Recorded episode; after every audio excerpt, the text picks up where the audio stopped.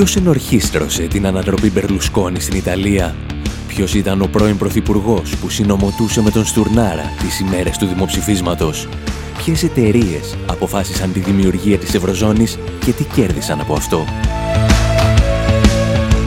Οι δημιουργοί των ντοκιμαντέρ «Χρεοκρατία», «Καταστρόικα» και «Φασισμός ΑΕ» επιστρέφουν με μια νέα παραγωγή. This is not a coup. Δεν ήταν πραξικόπημα, είναι η Ευρωπαϊκή Ένωση. Μάθε πώς μπορείς να βοηθήσεις και εσύ την ολοκλήρωση του ντοκιμαντέρ στη διεύθυνση infowarproductions.com Η διεύθυνση infopavlawar.gr Η εκπομπή Infowar με τον Άρη Χατζηστεφάνου.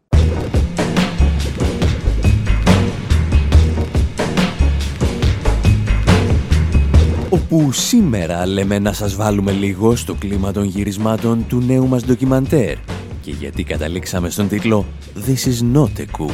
Αυτό δεν είναι ένα πραξικόπημα. Αναζητούμε ένα παλιό άρθρο του Παζολίνη στην Κοριέρε Ντελασέρα και συναντάμε τον ίδιο ντυμένο Batman σε ένα στενάκι της Ρώμης. Τον ακούμε μαζί με τον Μόρισεϊ να τραγουδούν για τους δράστες ενός πραξικοπήματος που θα ανέτρεπε την κυβέρνηση της Ιταλίας και αναρωτιόμαστε εάν αναφέρονταν στην Άγγελα Μέρκελ και τον Νικολά Σαρκοζή. Και ύστερα αλλάζουμε σχεδόν ολοκληρωτικά θέμα. Συζητάμε για παράλληλα σύμπαντα που ίσως να κρύβουν παράλληλα προγράμματα και καλύτερες ημέρες. Μπαίνουμε σε κάτι σπηλιές μαζί με τον Πλάτωνα και βγαίνουμε από μια σκουλικότρυπα με την Αλίκη από τη χώρα των θαυμάτων και τον Dr. Who. Και όλα αυτά τα καταφέρνουμε με τη συντροφιά των Arctic Monkeys, των Depeche Mode και όσων άλλων τραγούδισαν για τις θεωρίες ενός παράλληλου σύμπαντος.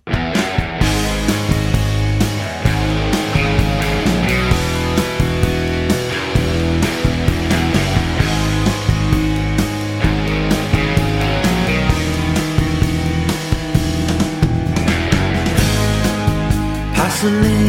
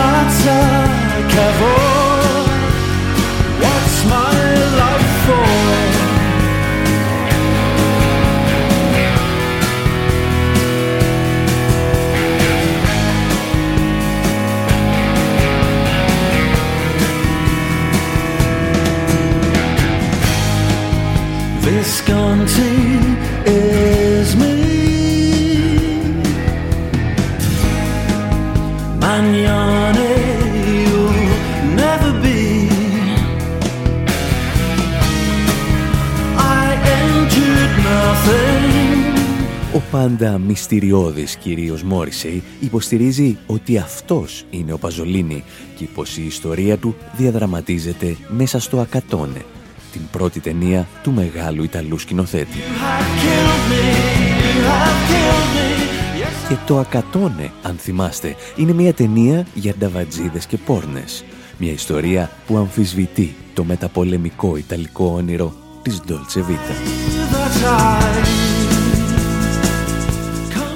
Εμάς πάντως, ο Παζολίνη μας ενδιαφέρει γιατί θα καταφέρει να περιγράψει την απόπειρα ενός πραξικοπήματος. Στις 14 Νοεμβρίου του 1974 δημοσιεύει ένα άρθρο στην εφημερίδα Corriere della Sera, το οποίο θα μείνει στην ιστορία. Ένα άρθρο που ξεκινά με τη φράση «Io so», «Εγώ γνωρίζω». «Io so». Io so i nomi dei responsabili di quello che viene chiamato golpe che in realtà è una serie di colpe istituitasi a sistema di protezione del potere. Εγώ γνωρίζω. Εγώ γνωρίζω τα ονόματα των υπευθύνων για αυτό που στο μέλλον θα γίνει γνωστό σαν στρατιωτικό πραξικόπημα. Στην πραγματικότητα όμως είναι μια σειρά συστημικών πραξικοπημάτων που στόχο έχουν την προστασία της εξουσίας. Και ύστερα, ο Παζολίνη αρχίζει να απαριθμεί τις τρομοκρατικές επιθέσεις που άφηναν πίσω τους εκατοντάδες νεκρούς στο Μιλάνο το 1969, στην Πολόνια το 1974 και ούτω καθεξής. Ο Παζολίνη μιλάει για μέλη του πρώην φασιστικού κόμματος αλλά και για νεοφασίστες που συνεργάζονται για την αποσταθεροποίηση της Ιταλικής Δημοκρατίας. Μιλάει για τους Έλληνες συνταγματάρχες που συνεργάζονταν με τη CIA για να πνίξουν τη δημοκρατία και στην Ελλάδα.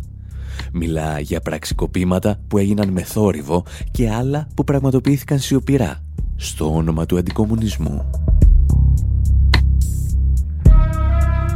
Γνωρίζω, λέει, τα ονόματα των υπευθύνων. Αμέσως όμως σπέβδει να διευκρινίσει ότι αυτός είναι απλώς ένας διανοούμενος και δεν έχει τις αποδείξεις που απαιτούνται. Αποδείξεις που είναι σίγουρος ότι έχουν οι πολιτικοί και οι δημοσιογράφοι.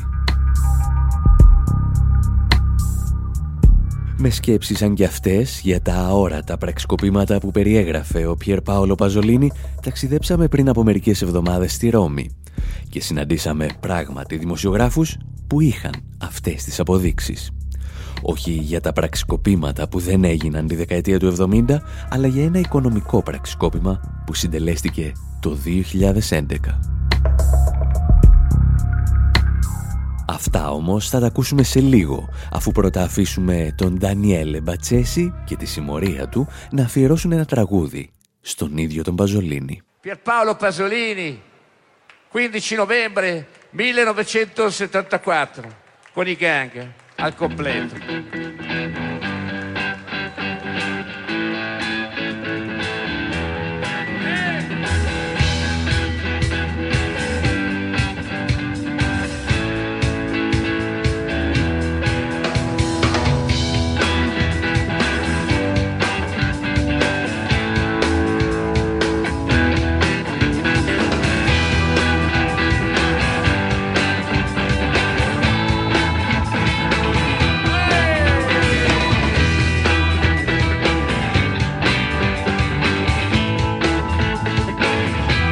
Io so, io so i nomi dei responsabili di quella che viene chiamato golpe e che in realtà è una serie di golpe istituitesi a sistema di protezione del potere.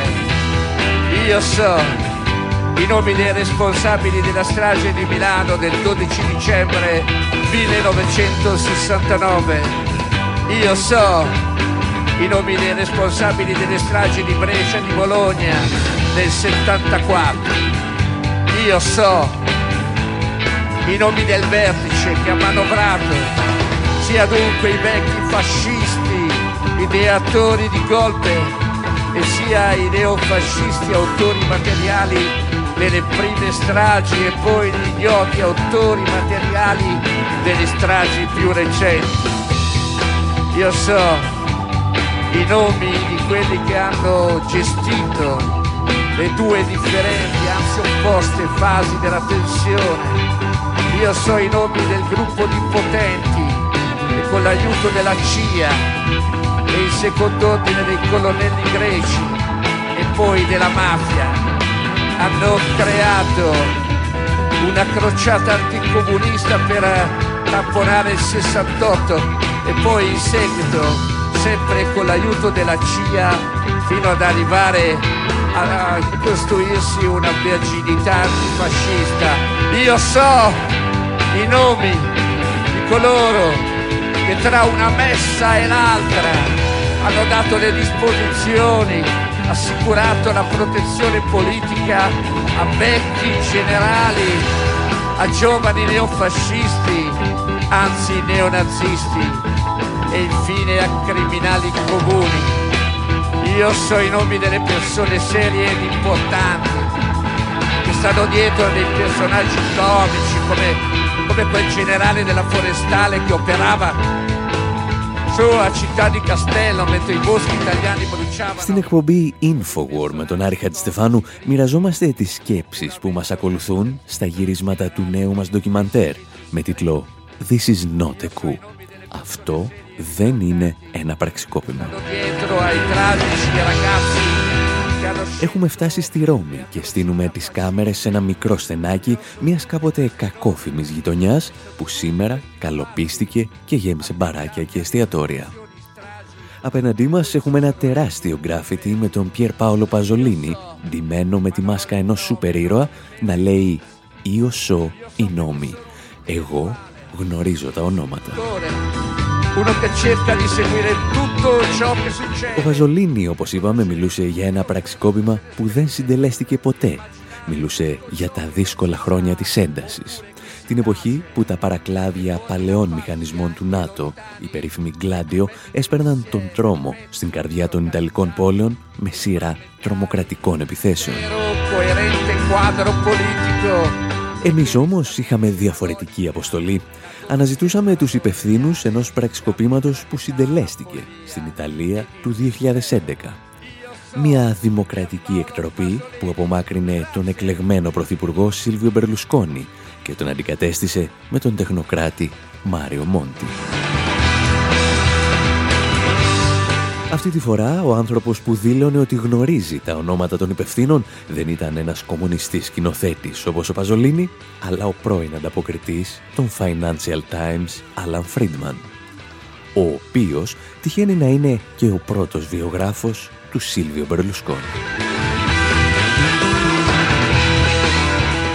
Τον Φρίντμαν δεν τον συναντήσαμε στα στενά κάποιας gentrified γειτονιάς, αλλά στο σαλόνι του Intercontinental της Ρώμης, μερικές δεκάδες μέτρα από τα σκαλοπάτια της Πιάτσα di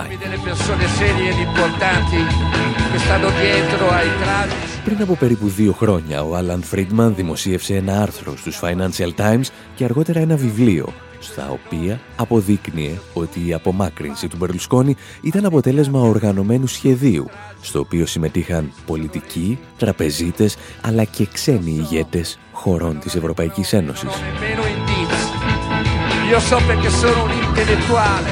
Και όταν τον ρωτήσαμε τι ακριβώς εννοούσε, άρχισε να μας διηγείται την παρακάτω ιστορία. The change of government in Italy at the end of 2011, it came about because of a plan η αλλαγή κυβέρνησης στην Ιταλία στο τέλος του 2011 έγινε βάση σχεδίου το οποίο έμεινε μυστικό για αρκετούς μήνες. Το σχέδιο εκπώνησε ο πρόοδο της χώρας, Τζόρτζιο Ναπολιτάνο, ο οποίος ήθελε να απομακρύνει τον Μπερλουσκόνη και ο οποίος βρισκόταν σε συχνή επαφή με την Άγγελα Μέρκελ το καλοκαίρι και το φθινόπωρο του 2011.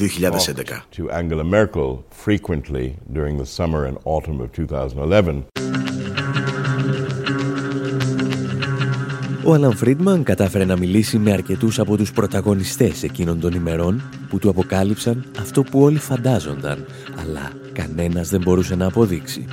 Ότι η ευνίδια οικονομική κρίση και η εκτίναξη των spread που οδήγησε την κυβέρνηση Μπερλουσκόνη σε παρέτηση ήταν απλώς η τελευταία σκηνή ενός δράματος που είχε ξεκινήσει πολλούς μήνες πριν. In my interviews for my previous book I discovered that uh, Uh, President Napolitano as far back as June 2011, so six months. Στη συνεντεύξη που πήρα για το προηγούμενο βιβλίο μου, ανακάλυψα ότι ο πρόεδρος Ναπολιτάνο, έξι μήνες πριν από την πτώση της κυβέρνησης, είχε μυστικές επαφές με τον Μάριο Μόντι και τον διευθυντή μιας από τις μεγαλύτερες τράπεζες της Ιταλίας. Ήδη από εκείνη τη στιγμή προγραμμάτιζε υποκαθεστώς απόλυτης μυστικότητας το σχηματισμό μιας νέας κυβέρνησης, αλλά και την εκπόνηση νέας οικονομικής πολιτικής. Βάσει του Ιταλικού Συντάγματος, ο πρόεδρος δεν μπορεί να ξεκινήσει τη διερευνητική διαδικασία για την κατάσταση του Πρωθυπουργού εκτός αν υπάρχει σημαντική κρίση, εάν η κυβέρνηση έχει χάσει την πλειοψηφία στο κοινοβούλιο ή αν έχει παραιτηθεί ο Πρωθυπουργός. Τίποτα από αυτά δεν συνέβαινε εκείνη τη στιγμή.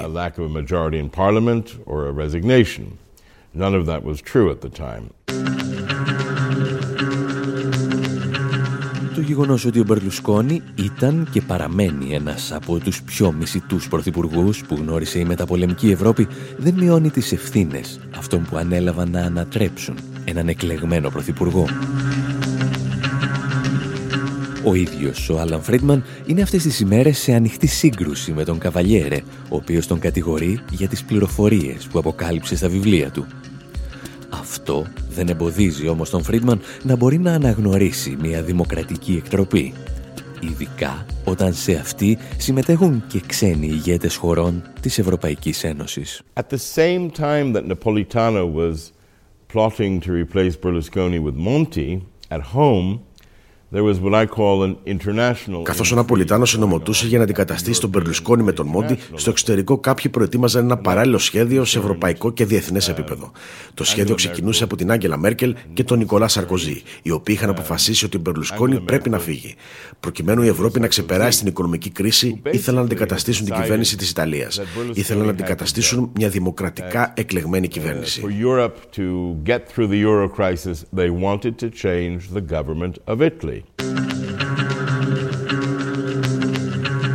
Όλα ήταν έτοιμα λοιπόν για την ανατροπή μιας δημοκρατικά εκλεγμένης κυβέρνησης.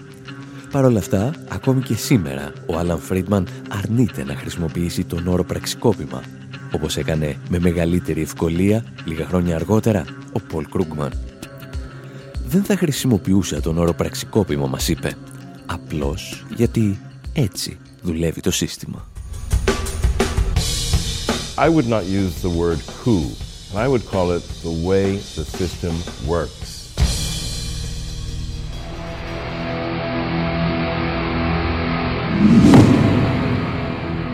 Αυτό λοιπόν δεν ήταν ένα πραξικόπημα, παρά το γεγονός ότι ανέτρεψε μια δημοκρατικά εκλεγμένη κυβέρνηση.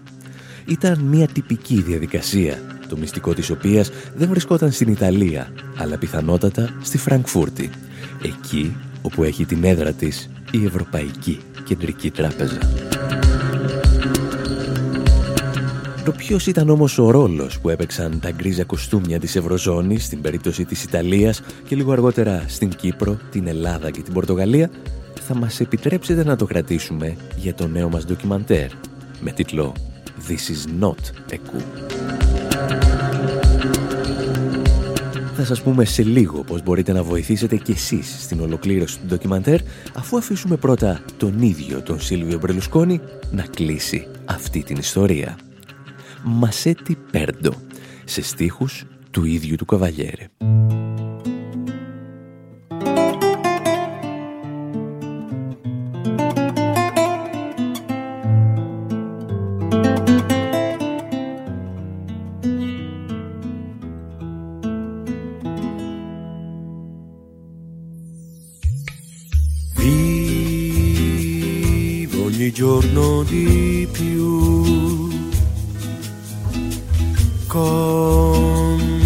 难过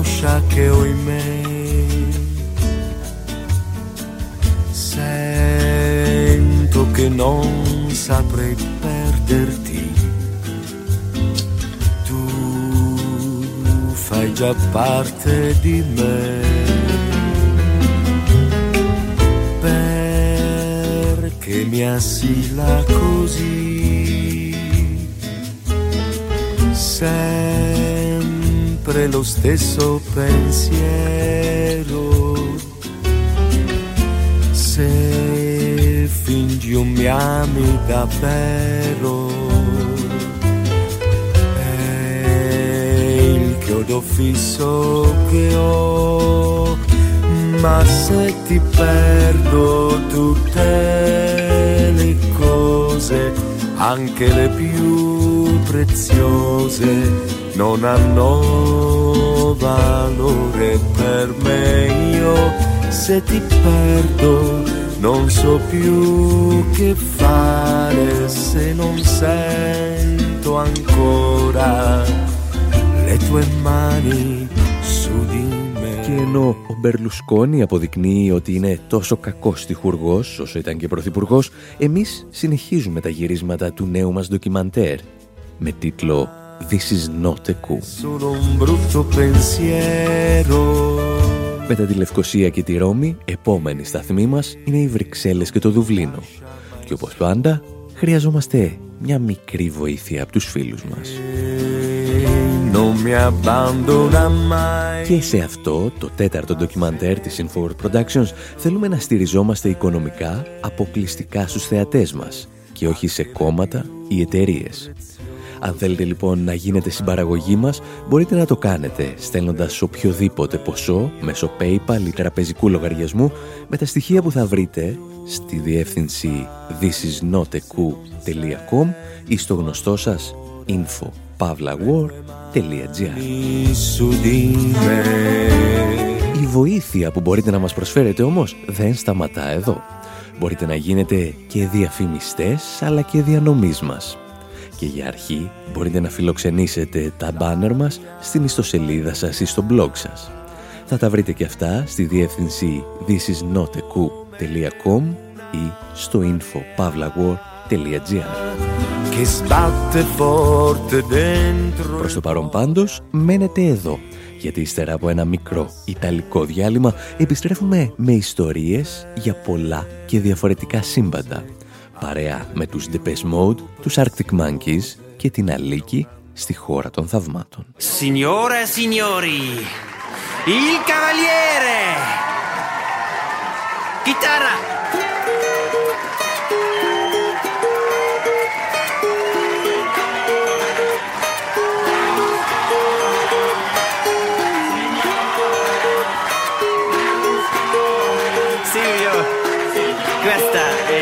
Canzone per te. Enjoy. Il Duomo di Milano dice milione grazie per la pubblicità efficiente e molto spettacolare. Da questa bella giornata il Duomo è pieno di devoti, il turismo è fiorente a Milano. Tutte le donne in Italia, anche in tutta Europa, sono molto lusingate da tuoi gesti rispettosi. Hai dimostrato a noi uomini ciò che è fedeltà e lealtà. Quindi vogliamo cantare una canzone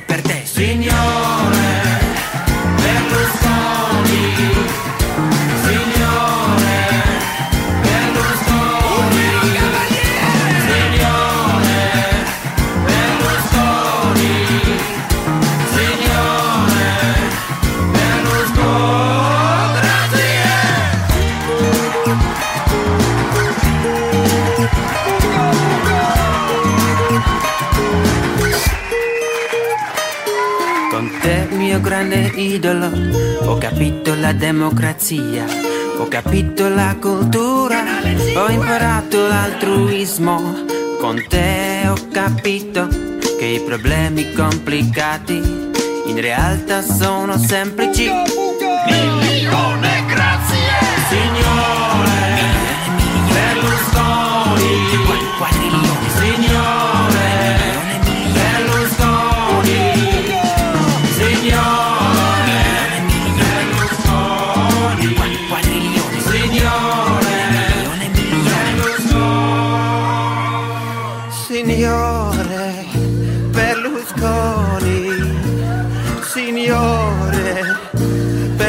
dó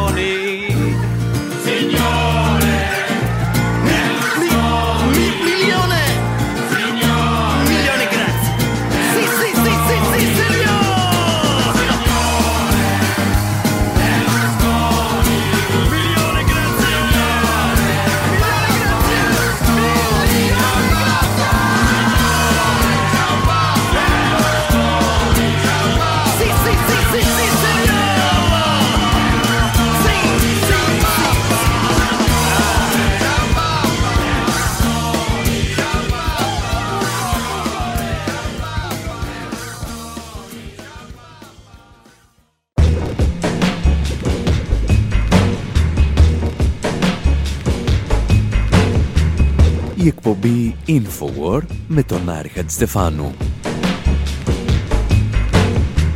Όπου σήμερα αναζητούμε παράλληλα σύμπαντα, όπου όλα θα μπορούσαν να είναι καλύτερα από ό,τι στο δικό μας.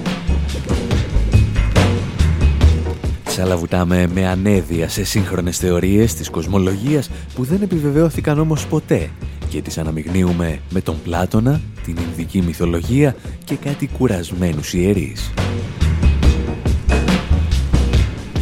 Υποπτευόμαστε ότι το να υπόσχεσαι παράλληλους κόσμους είναι άλλοτε ένα παραμύθι και άλλοτε μια βαθιά θρησκευτική πίστη που απλώς καταστρέφει την ικανότητά σου να διαχειριστείς τη δική σου πραγματικότητα. Και όλα αυτά τα δύσκολα θα επιχειρήσουμε να τα αναλύσουμε με τη βοήθεια συγκροτημάτων που έχουν τραγουδήσει για τα παράλληλα σύμπαντα.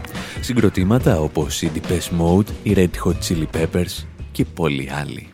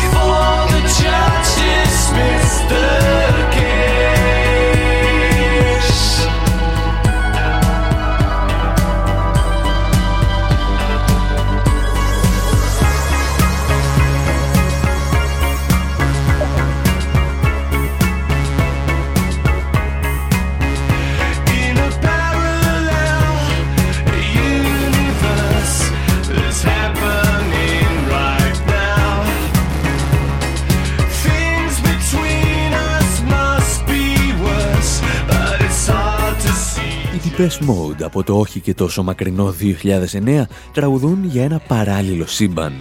Σε έναν άλλο κόσμο, σε έναν άλλο χρόνο, με διαφορετική διάθεση και συνείδηση, λένε.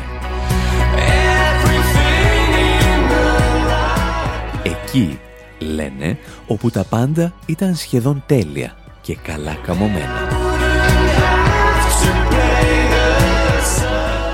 Και αυτή είναι πάντα η ελπίδα όσων ονειρεύονται παράλληλα σύμπαντα, παράλληλα προγράμματα ή οτιδήποτε άλλο.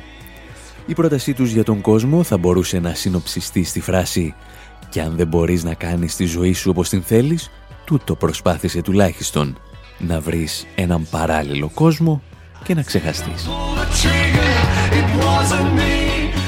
Πριν περάσουμε όμως στην επιστημονική εξήγηση του τι μπορεί να είναι ή να μην είναι ένα παράλληλο σύμπαν, ίσως θα πρέπει να δούμε την πιο διευρυμένη εικόνα του παράλληλου κόσμου.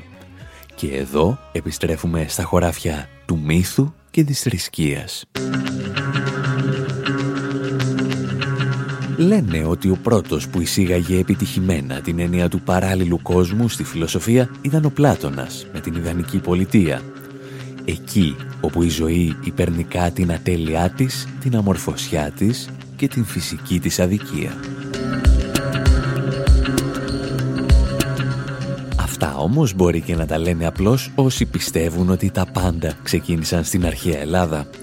Γιατί ουσιαστικά όλοι οι πολιτισμοί φλέρταραν στην ιστορία τους με έναν κόσμο που συνυπήρχε με το δικό τους στην πραγματικότητα δυσκολευόμαστε να βρούμε έναν πολιτισμό που να μην οραματιζόταν ή να μην αναζητούσε έναν κόσμο όπου θα μπορούσε να υπάρξει παράλληλα με τον δικό του, χωρίς όμως τις δικές του μικροπρέπειες και αδιαφορίες. Άλλοι το είπαν παράδεισο, άλλοι το ανέβασαν στον Όλυμπο και άλλοι το αναζητούν ακόμη στην κβαντομηχανική. Ομολογουμένως με πολύ περισσότερη σοβαρότητα.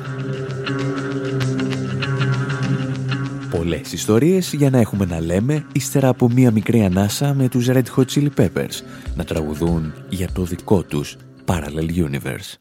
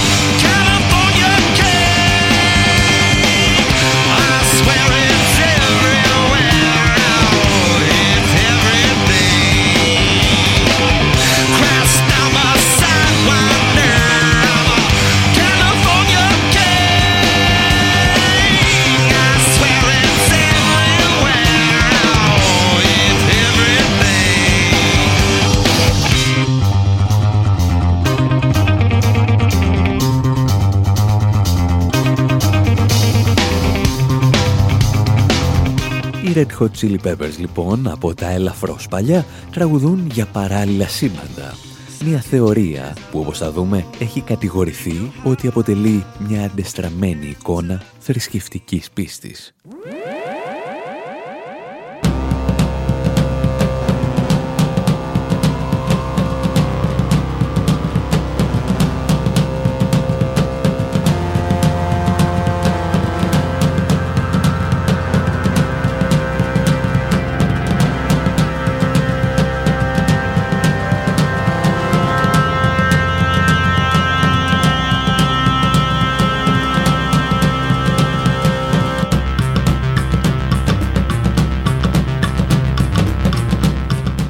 Από τις πρώτες αναφορές σε σύμπαντα τα οποία συνυπάρχουν και είναι άπειρα σε αριθμό, συναντάμε στις περίφημες Πουράνες, τα κείμενα της Ινδικής μυθολογίας.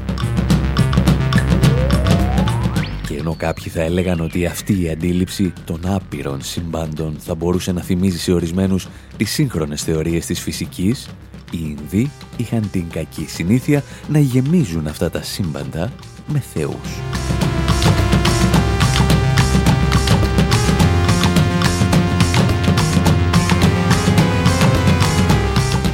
Παράλληλα σύμπαντα όμως συναντάμε και στις χίλιες και μια νύχτες και συγκεκριμένα σε εκείνες τις ιστορίες που για ορισμένους αποτελούν την πρώτη μορφή επιστημονικής φαντασίας που γνώρισε η ανθρωπότητα. Σε μία από αυτές τις ιστορίες, ο πρωταγωνιστής, αναζητώντας το βότανο της Αθανασίας, εξερευνά τις θάλασσες, ταξιδεύει στον παράδεισο και την κόλαση, καθώς και σε διαφορετικούς κόσμους που συνυπάρχουν με το δικό του. Σε μια άλλη ιστορία, ο Αμπτουλάχ, ο ψαράς, αποκτά την ικανότητα να αναπνέει κάτω από το νερό και ανακαλύπτει μια υποβρύχια κοινωνία η οποία απεικονίζεται ως μια αντεστραμμένη αντανάκλαση της δικής του κοινωνίας. Η βασική διαφορά είναι ότι η υποβρύχια κοινωνία ακολουθεί, λέει, μια μορφή πρωτόγονου κομμουνισμού. Όπως διαβάζουμε μάλιστα και στη Wikipedia, είναι λέει τόσο κομμουνιστική αυτή η κοινωνία όπου οι άνθρωποι δεν έχουν χρήματα και ρούχα. Γιατί ως γνωστόν το πρώτο πράγμα που σου παίρνουν οι κομμουνιστές είναι τα ρούχα και μετά προχωράνε και στο σπίτι σου.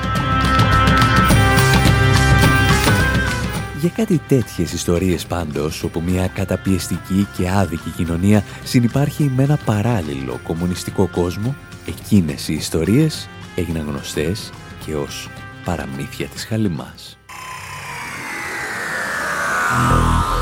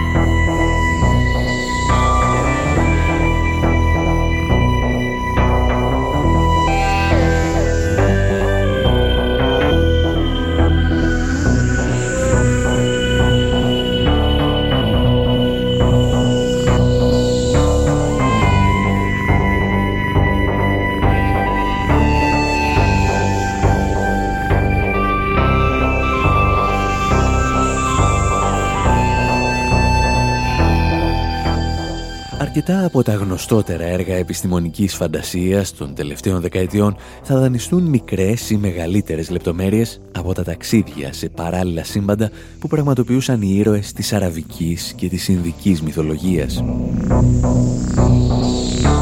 Ο Dr. Who, λόγου χάρη, το διασκευασμένο soundtrack του οποίου ακούμε εδώ, επιτυγχάνει αυτό το ταξίδι στο χώρο και τον χρόνο για να βρεθεί σε κόσμους που συνυπάρχουν χωρίς όμως ποτέ να συναντιούνται με τον δικό του. Από την πλευρά τους, οι ήρωες του Star Trek ταξιδεύουν σε σύμπαντα που φιλοξενούν και αυτά σχεδόν κομμουνιστικές κοινωνίες. Εκεί όπου κατοικούν οι περίφημοι Combs. Μια ιστορία που θυμίζει υπερβολικά τις περιπέτειες του Αμπτουλάχ του Ψαρά από τις χίλιες και μία νύχτες. Προς το παρόν, εμείς ακούμε ο λίγων από Arctic Monkeys να τραγουδούν για τον αγαπημένο τους χειρότερο εφιάλτη, ο οποίος παραδόξως υπάρχει και αυτός σε ένα παράλληλο σύμπαν.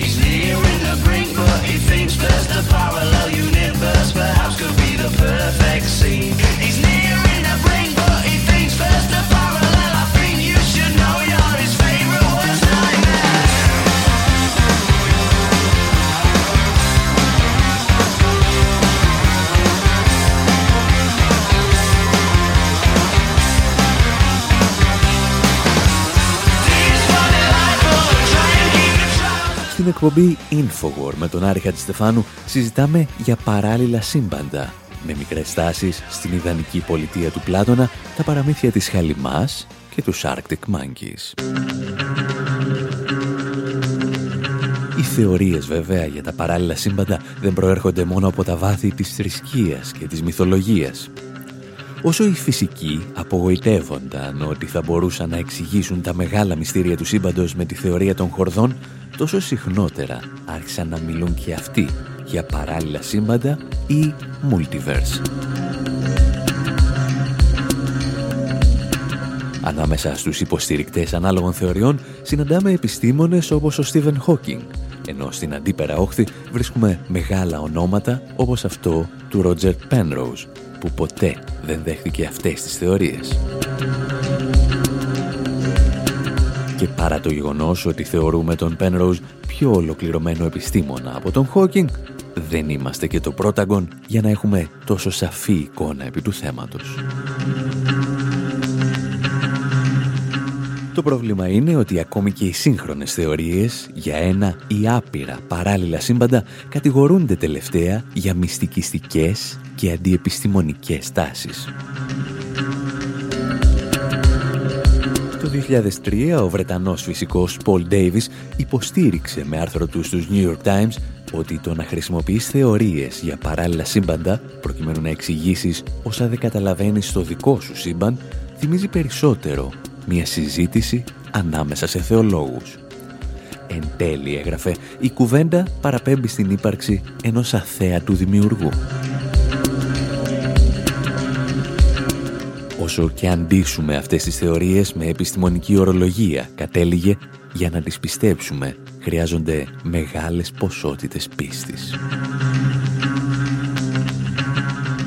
Ίσως τελικά όλες οι θεωρίες ενός παράλληλου καλύτερου κόσμου είτε προέρχονται από τη μυθολογία, τη φιλοσοφία ή ακόμη και από ανεπιβεβαίωτες επιστημονικές θεωρίες να εντάσσονται στον ορισμό της θρησκείας που μας έδωσε ο Μάρξ. Ο αναστεναγμός του καταπιεσμένου, η καρδιά ενός άκαρδου κόσμου και εν τέλει το όπιο του λαού. Όσο για τα παράλληλα προγράμματα, αυτά ανήκαν μάλλον εξ αρχής στο χώρο της επιστημονικής φαντασίας. Κάπου εδώ όμως λέμε να σας αφήσουμε και για αυτή την εβδομάδα. Εμείς στον παράλληλο κόσμο μας συνεχίζουμε την παραγωγή του νέου μας ντοκιμαντέρ με τίτλο «This is not a coup». Αυτό δεν είναι ένα πραξικόπημα. Ετοιμάζουμε τις βαλίτσες μας για τους επόμενους προορισμούς μας στην Ευρώπη για να μιλήσουμε με πρώην αρχηγούς κρατών και ανθρώπους που έζησαν από την πρώτη γραμμή τις πραξικοπηματικές κινήσεις στην Ευρωζώνη που ίσως τελικά να μην ήταν και τόσο πραξικοπηματικές. Να ήταν αυτό που ξέρει καλύτερα να κάνει η Ευρωπαϊκή Ένωση. Πάντως θέλετε και εσείς να γίνετε συμπαραγωγή σε αυτή την προσπάθεια, να σας θυμίσουμε ότι μπορείτε να το κάνετε από τη διεύθυνση thisisnoteku.com ή αν ψάχνετε για κάτι πιο σύντομο, στο infopavlawar.gr Έχουμε για σας ένα καινούριο τρέιλερ και μερικά νέα μπάνερ που μπορείτε να βάλετε αν θέλετε στα site σας και εκεί θα βρείτε και όλες τις πληροφορίες που χρειάζεστε αν θέλετε να συνεισφέρετε μέσω PayPal ή τραπεζικού λογαριασμού. Μέχρι πάντως την επόμενη εβδομάδα, από τον Άρη Χατζηστεφάνου στο μικρόφωνο και τον Δημήτρη Σταθόπουλο στην τεχνική επιμέλεια, γεια σας και χαρά σας.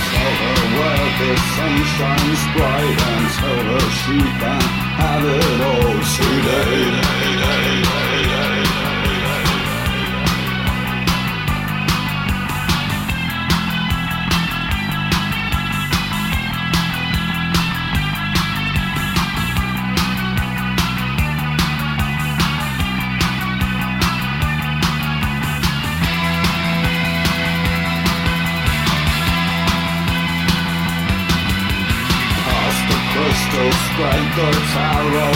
In illusion comfort lies the safest way. The straight and narrow No confusion, no surprise. Alice in her party dress To kill she thanks you, turns away. Needs you like she needs her pills To tell her that the world's okay To promise her a definition so aware the rain